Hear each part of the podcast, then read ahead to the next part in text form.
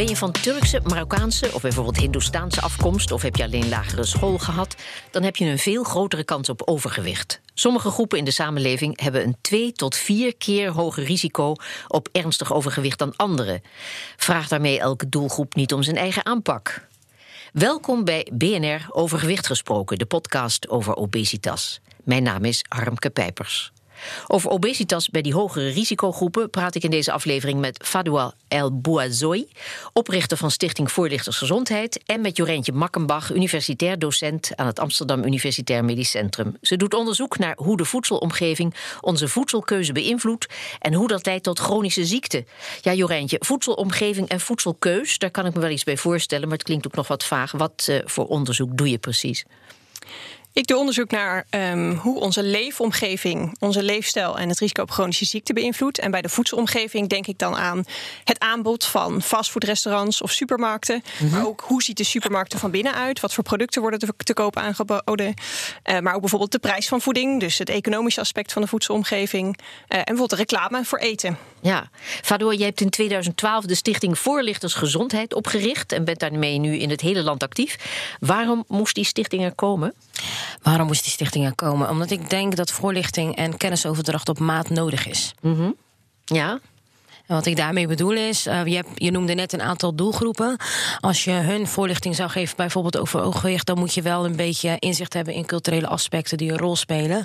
En wij hebben natuurlijk ook uitgetoond in onze lessen. Ja. Maar wij vonden het gewoon heel belangrijk, omdat we zagen dat uh, heel veel doelgroepen gewoon te weinig kennis hadden over wat een gezonde leefstijl inhield. Ja, we hebben het in deze uitzending over een brede en diverse groep, maar vaak vallen ze allemaal binnen de zogeheten lage zes, de groep met een lage sociaal-economische status.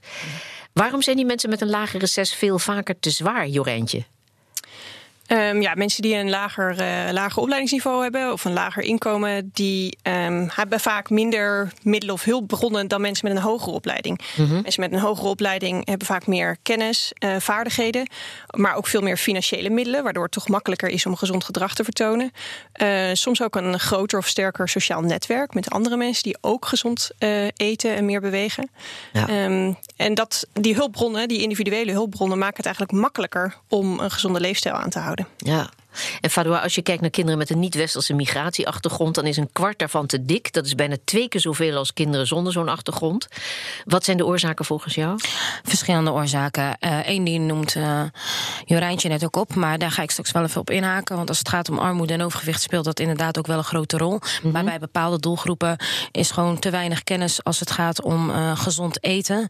En ook vaak wordt er in bepaalde groepen, maar natuurlijk niet bij allemaal, wordt dik zijn en gezien als iets gezonds. Dat was ook ooit in Nederland. Weet je, hoe dikker de kinderen, hoe dikker de vrouwen, hoe meer de man een maatschappelijk aanzien kreeg.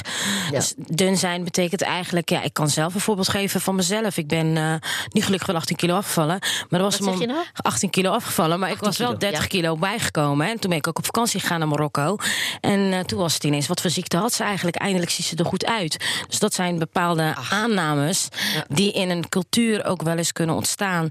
Maar tegelijkertijd inderdaad ook dat men denkt dat uh, gezonde voeding duur is. En vandaar ook dat wij bijvoorbeeld met doelgroepen koken met een laag budget doen. Mm -hmm. Om ook te laten zien dat gezond eten ook weinig geld kost. Ja. Als je maar bewuste keuzes kan maken. Mm -hmm. De groep is natuurlijk ook heel divers. Hè? Jan en Ella, die alleen lagere school hebben en drie keer per week naar de snackbar gaan, hebben heel andere voorkeuren dan Abdul en Fatima. Die nou eenmaal gek zijn op allerlei Marokkaanse lekkernijen. Ja, alles. Koolhydraten op koolhydraten. Dat zie je ook waarom. Ja. We hebben het net gehad over chronische ziektes. Als bij een diabetespatiënt wordt gezegd van uh, u heeft diabetes, dan zie je vaak binnen bijvoorbeeld de Marokkaanse en de Turkse doelgroep dat ze gaan stoppen met de suiker in de thee. Maar de aardappelen met brood blijven de hele dag doorgaan.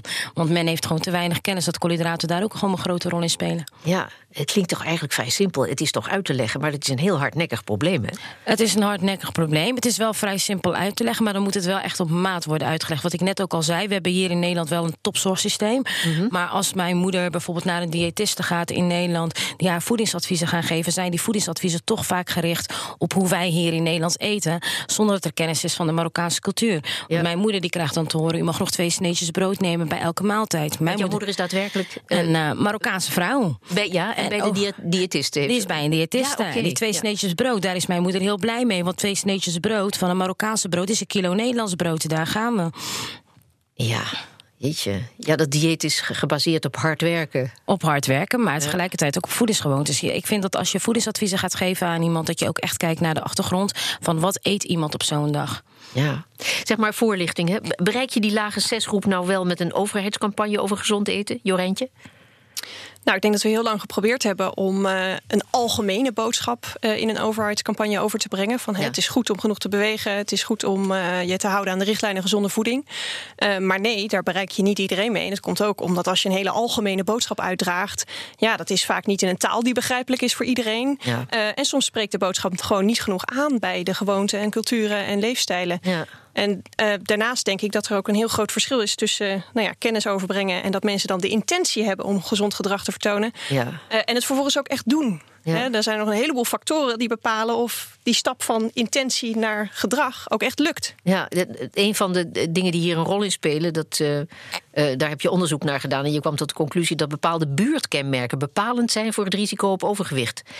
Ik heb een vermoeden, maar vertel, wat bedoel je er precies mee? Over welke kenmerken hebben we het dan? Nou, dat is eigenlijk uh, heel breed. Dus onze leefomgeving is gewoon van invloed op hoe we ons gedragen. Mm -hmm. En dan kan je denken aan sociale kenmerken, bijvoorbeeld sociale cohesie in een buurt. Ja. Uh, als mensen goed contact hebben met elkaar en daardoor een beter netwerk waar ook kennis en vaardigheden zijn en mensen die elkaar af en toe kunnen helpen als het even financieel wat moeilijker is.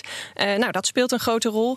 maar je kan ook denken aan fysieke buurtkenmerken. Dus nou ja, hoe veilig is het op straat? Hè? Ja. Als het niet veilig is op straat, gaan mensen niet naar buiten om te fietsen en te wandelen, zodat ze genoeg beweging krijgen.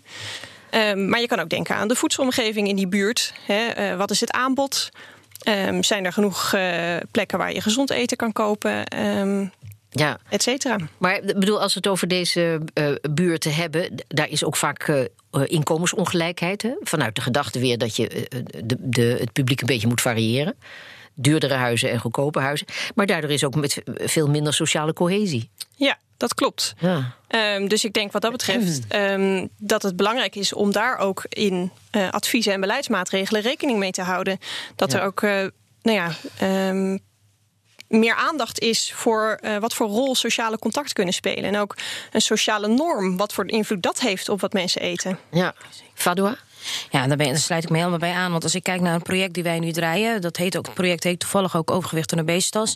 Waarin mensen dan eerst les krijgen over de risico's van overgewicht. Daarna les krijgen in gezonde voeding. En daarna ook overgaan tot koken. En je ziet, omdat ze dan een groep worden en sociale steun onderling vinden, worden ze zelfredzamer. En is het ook echt makkelijker vol te houden, een gezond levenspatroon. Omdat ze het gevoel ook hebben dat ze het niet meer alleen hoeven te doen. Ja. Omdat ze ook hun netwerk eigenlijk verbreden. Maar in, ik ben het helemaal mee eens met als ik kijk naar in heel veel van deze wijken op elke hoek heb je wel een fastfoodrestaurant. Makkelijk eten en soms ook heel goedkoop, waardoor mensen het ook echt kunnen betalen. En wat mij altijd zal bijblijven is dat wij op een basisschool op een gegeven moment aan het werk gingen, omdat we echt kinderen zagen die naar school kwamen met energiedrankjes. Maar moeders dachten dat het visdrank was. Toen zijn we op een gegeven moment, uh, dat noemen we suiker in eigen hand ook, waarin we suikers meenamen en, okay, en dan allerlei producten van hoeveel suikers denk je dat hierin zitten. En dat was denk ik ook echt een eye-opener en bewustwording voor ouders. Dus ik denk ook dat een grote rol in bij bepaalde doelgroepen, als het gaat om overgewicht en obesitas, is het voor mij denk ik echt onwetendheid en gewoon te weinig kennis hebben om uiteindelijk te handelen naar een gezonde levenspatroon. Ja, want niemand, niemand geen enkele moeder zal zijn kind iets ongezonds uh, mee willen geven. Of iets wat, wat buitengewoon ziekmakend is. Maar nog even, want uh, ja, mensen waarover het hebben in, het hebben in die buurten, ja, die hebben ook vaak schulden. En dan heb je misschien ook wel heel andere zorgen dan die kilo's overgewicht, hè? Ja, zeker. En het duurt ook gewoon heel lang voordat je de gevolgen van uh, overgewicht merkt. Ja. Uh, ik bedoel, er komt elke keer een, een, kilo bij, maar daar heb je eigenlijk geen last van. Uh, en dan heb je misschien grotere korte termijn problemen waar je eerst mee aan de slag gaat. Ja, als je in de financiële problemen zit, dan is genoeg groente en fruit eten even gewoon niet zo'n hoge prioriteit. Ja. Waardoor jij trekt de wijken in hè, om, om groepen met een niet-westerse achtergrond te bereiken. Hm.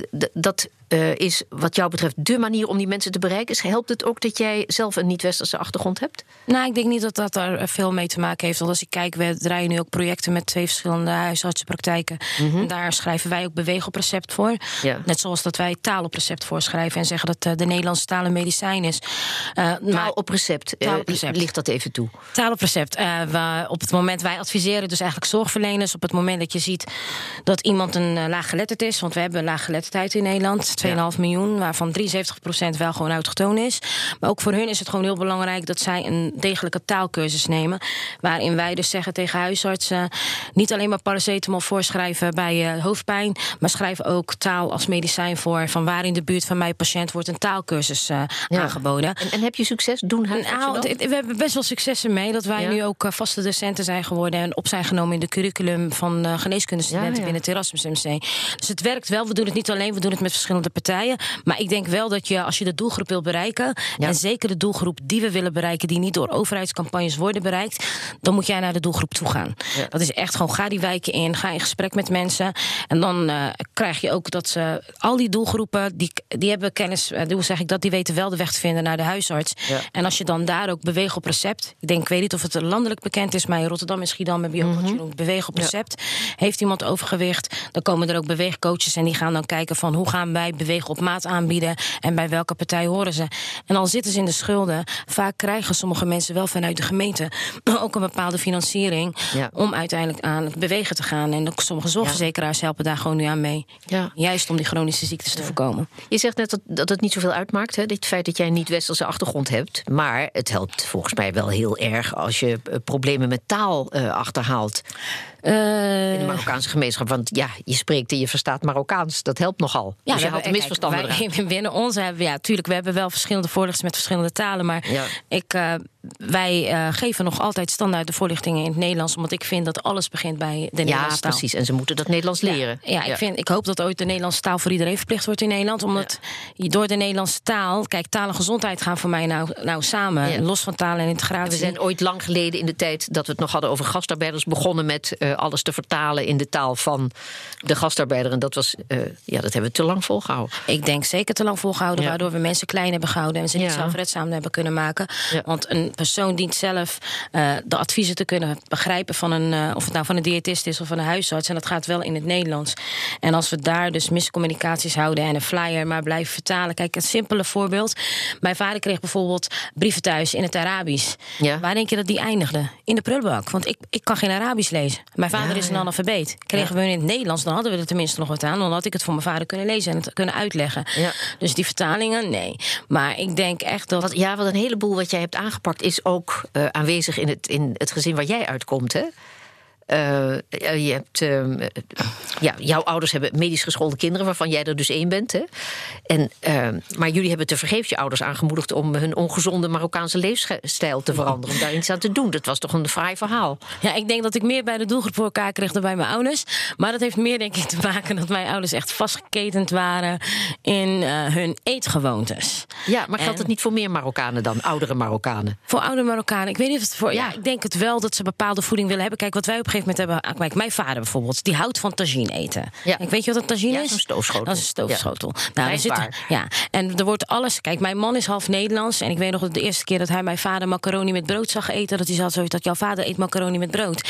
Moest ik hem uit gaan leggen dat uh, brood wordt gezien bij ons als de lepel. Hoe de Nederlanders de vork en mes gebruiken, worden in de Marokkaanse cultuur en in de Turkse cultuur wordt alles gewoon gegeten met, uh, met brood.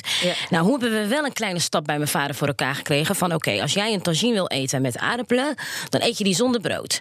Wil je een uh, tagine eten met alleen vlees en groenten, dan mag je je brood erbij hebben. Dus kleine stapjes zien we ja. ook daar gebeuren.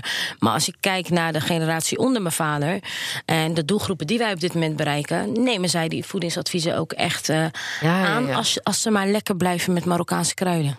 Oh ja, nou dat kan je dus, ja, dat kan je over alles heen gooien bijna. Ja. Maar ik begreep ook dat op een gegeven ogenblik de hulpverlening, hè, jouw grootvader, die, uh, of jouw vader had diabetes. Ja.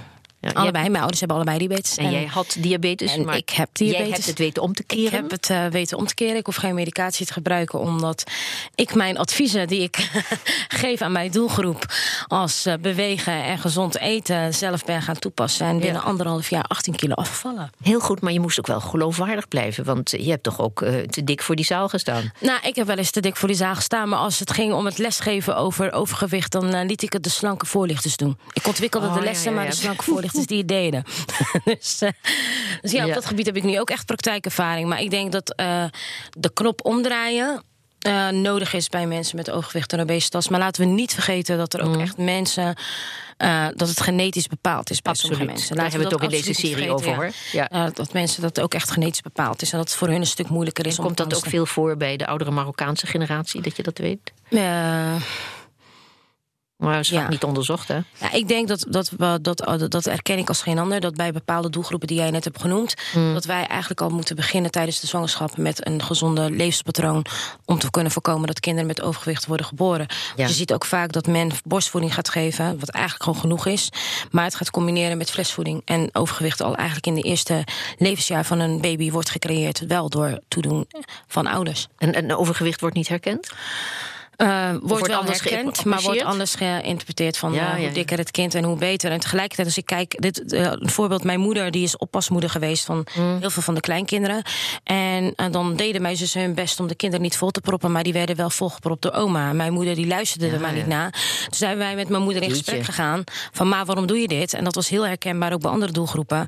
En die zei van, ik wil niet dat mijn kleinkinderen honger lijden zoals ik het ooit zelf heb geleden. Ja, was jij ook een dikke baby?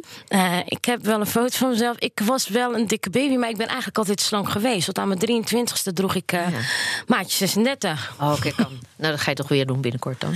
En nou, we zien wel. Ja. Maar Jorijntje, ligt daar ook een belangrijk punt voor verbetering? Mensen uitleggen wat wel en niet gezond is, zo, zo simpel als het is.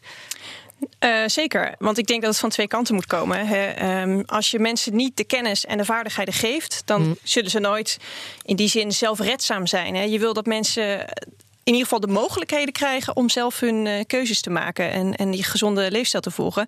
Maar ik denk dat we ook niet moeten vergeten dat ook als je die kennis en vaardigheden hebt, dat het dan nog steeds heel moeilijk is. Want het is niet alleen wij zelf die bepalen wat we eten en hoe we bewegen, maar dus ook onze omgeving. En in die zin vind ik het wel eens scheef dat als je als arts als advies geeft aan mensen om gezond te eten, maar ze vervolgens gewoon weer terugstuurt naar die ongezonde voedingsomgeving. Ja, dan, dan maak je het mensen wel ingewikkeld. Ja, hè, en, en is gezond eten ook duurder dan ongezond eten? Nou, over het algemeen is een gezond voedingspatroon duurder dan een ongezond voedingspatroon. Maar het is altijd een combinatie natuurlijk van um, prijs en gemak. Ik zie Fadua bedenkelijk kijken. Ben je het hier niet mee eens? Nee, ik ben het er wel mee eens. Maar er zijn wel sommige producten. Bijvoorbeeld als je kijkt naar een, een product als verse wortelen... is altijd veel goedkoper dan een pot met wortelen. Ja. Dus het is maar een bewuste keuze die je maakt. Dus het, Tuurlijk, in het algemeen is het duurder, maar er zijn ook dingen waarin we kunnen variëren, waardoor het uh, gezonde voeding ook best wel goedkoop kan zijn. Ja, ja, daar ben ik het wel mee eens. Um, maar ik denk dat het als je uh, zowel de kookvaardigheden mist, als de kennis over gezonde voeding, als de kennis over hoe je bijvoorbeeld bepaalde groenten moet klaarmaken. En dan zie je ook nog eens dat het duurder is. Hè, dat zo'n frikadelbroodje uh, misschien wel goedkoper is dan een, uh, een doos met druiven.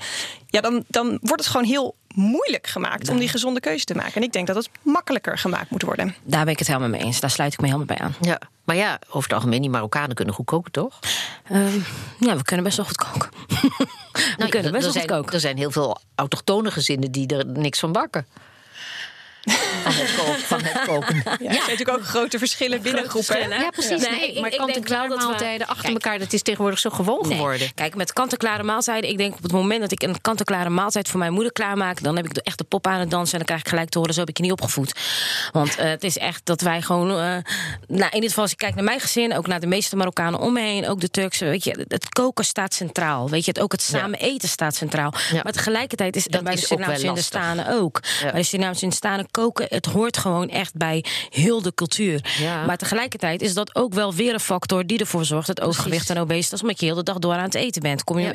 Stel, jij zou bij mij om 11 uur aanbellen. Nou, mm. ik ga in die keuken staan en ik maak een drie gangen menu voor jou klaar. Ja. Want mijn moeder mij heeft geleerd eer jouw gasten. Maar als we kijken naar de tijdstip nou, 11 uur. Komen.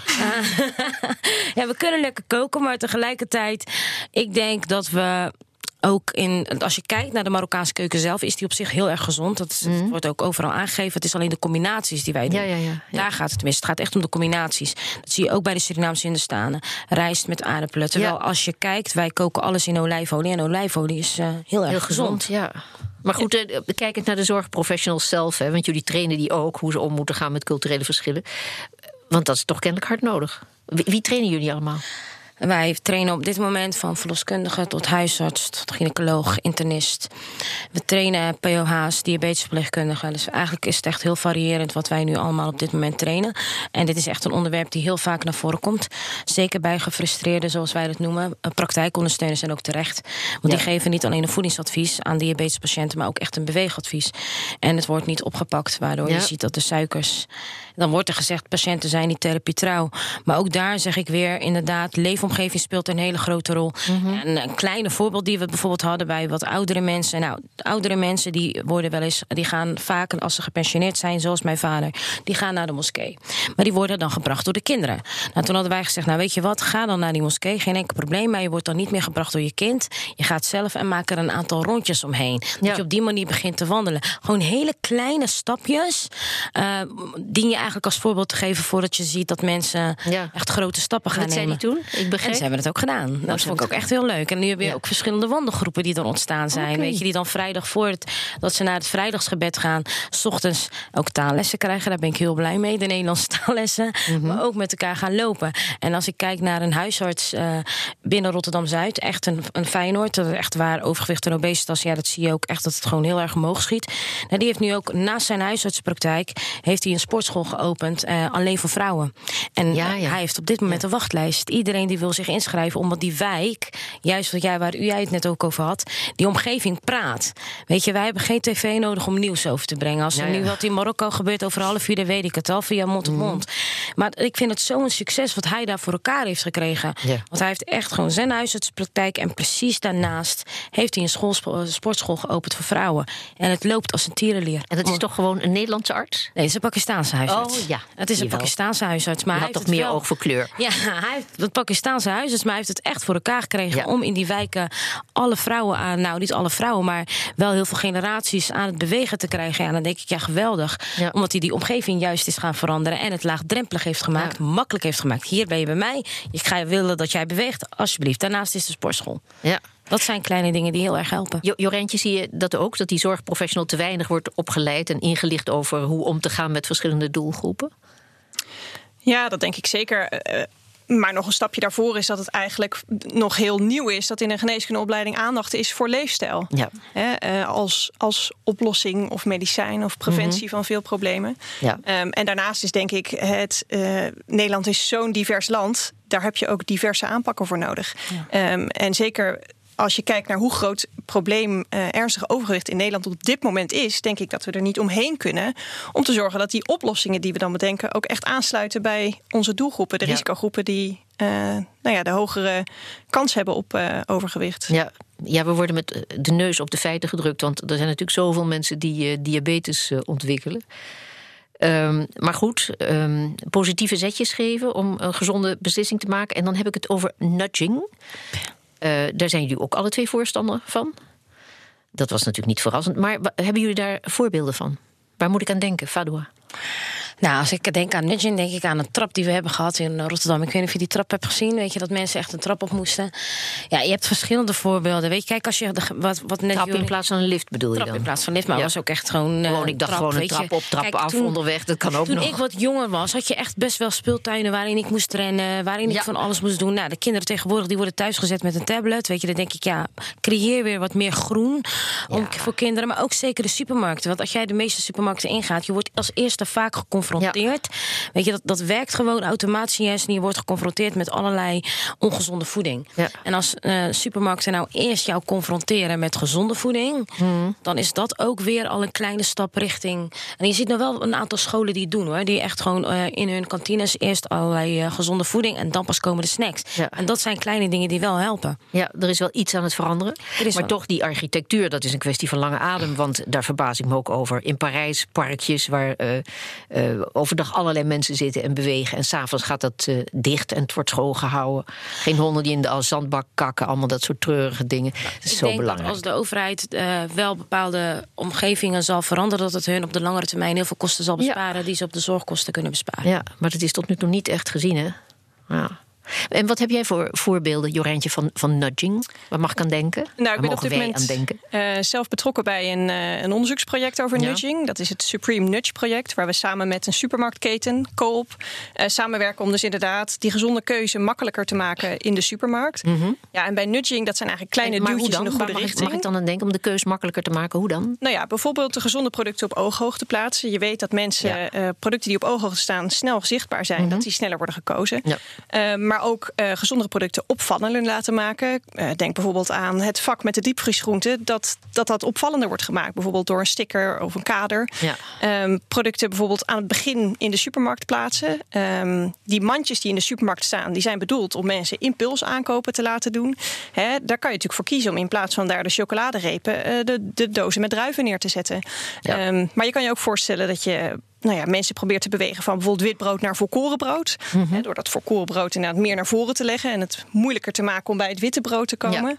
Ehm, Maar het is in feite allemaal hetzelfde voorbeeld. Dus zorgen dat die gezonde dingen meer eh, voor het grijpen liggen. Ja, het, zijn, het is eigenlijk een, Ja. een beetje het eh, equivalent van marketingtechnieken. hè. Ja, Zorgen dat die gezondere keuze meer verkocht worden. Dan gaan we het nu omdraaien. Maar goed, zijn het niet allemaal...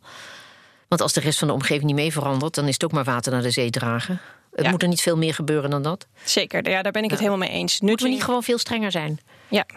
Oh ja, vertel. Ja, nee, daar ben ik helemaal voorstander van. Eh obesitas is een ontzettend complex probleem. En ik denk dat we niet moeten denken dat we daar één oplossing voor kunnen bedenken. Hè. Als we alleen maar nudging gebruiken, dan komt het wel goed. Ja. Ehm, en ik denk dat we de afgelopen jaren ook te voorzichtig zijn geweest in Nederland. Hebben gedacht, nou, we moeten niet al te veel ingrijpen. Hè. Ja. Eh, laat bijvoorbeeld de industrie zelf maar met wat oplossingen komen. Dat werkt niet, hè? Ik denk dat we nu op een punt zijn gekomen waarop we moeten zeggen: nu is het genoeg. Ja. Hè, het levert Nederland ontzettend veel grote problemen op. Nou ja, Eh, ondertussen zijn die, die, eh, die supermarkten wel een beetje eh, hun imago aan het bijwerken in, in, in gunstig opzicht. De tijd is er rijp voor, hè? Zeker. Maar bijvoorbeeld zoiets als een, eh, een, een, een, suikertax. ja, Zijn we ben ik eh, voorstander van. Ja. Het Marokkaanse eten, dat gaat helemaal voorbij.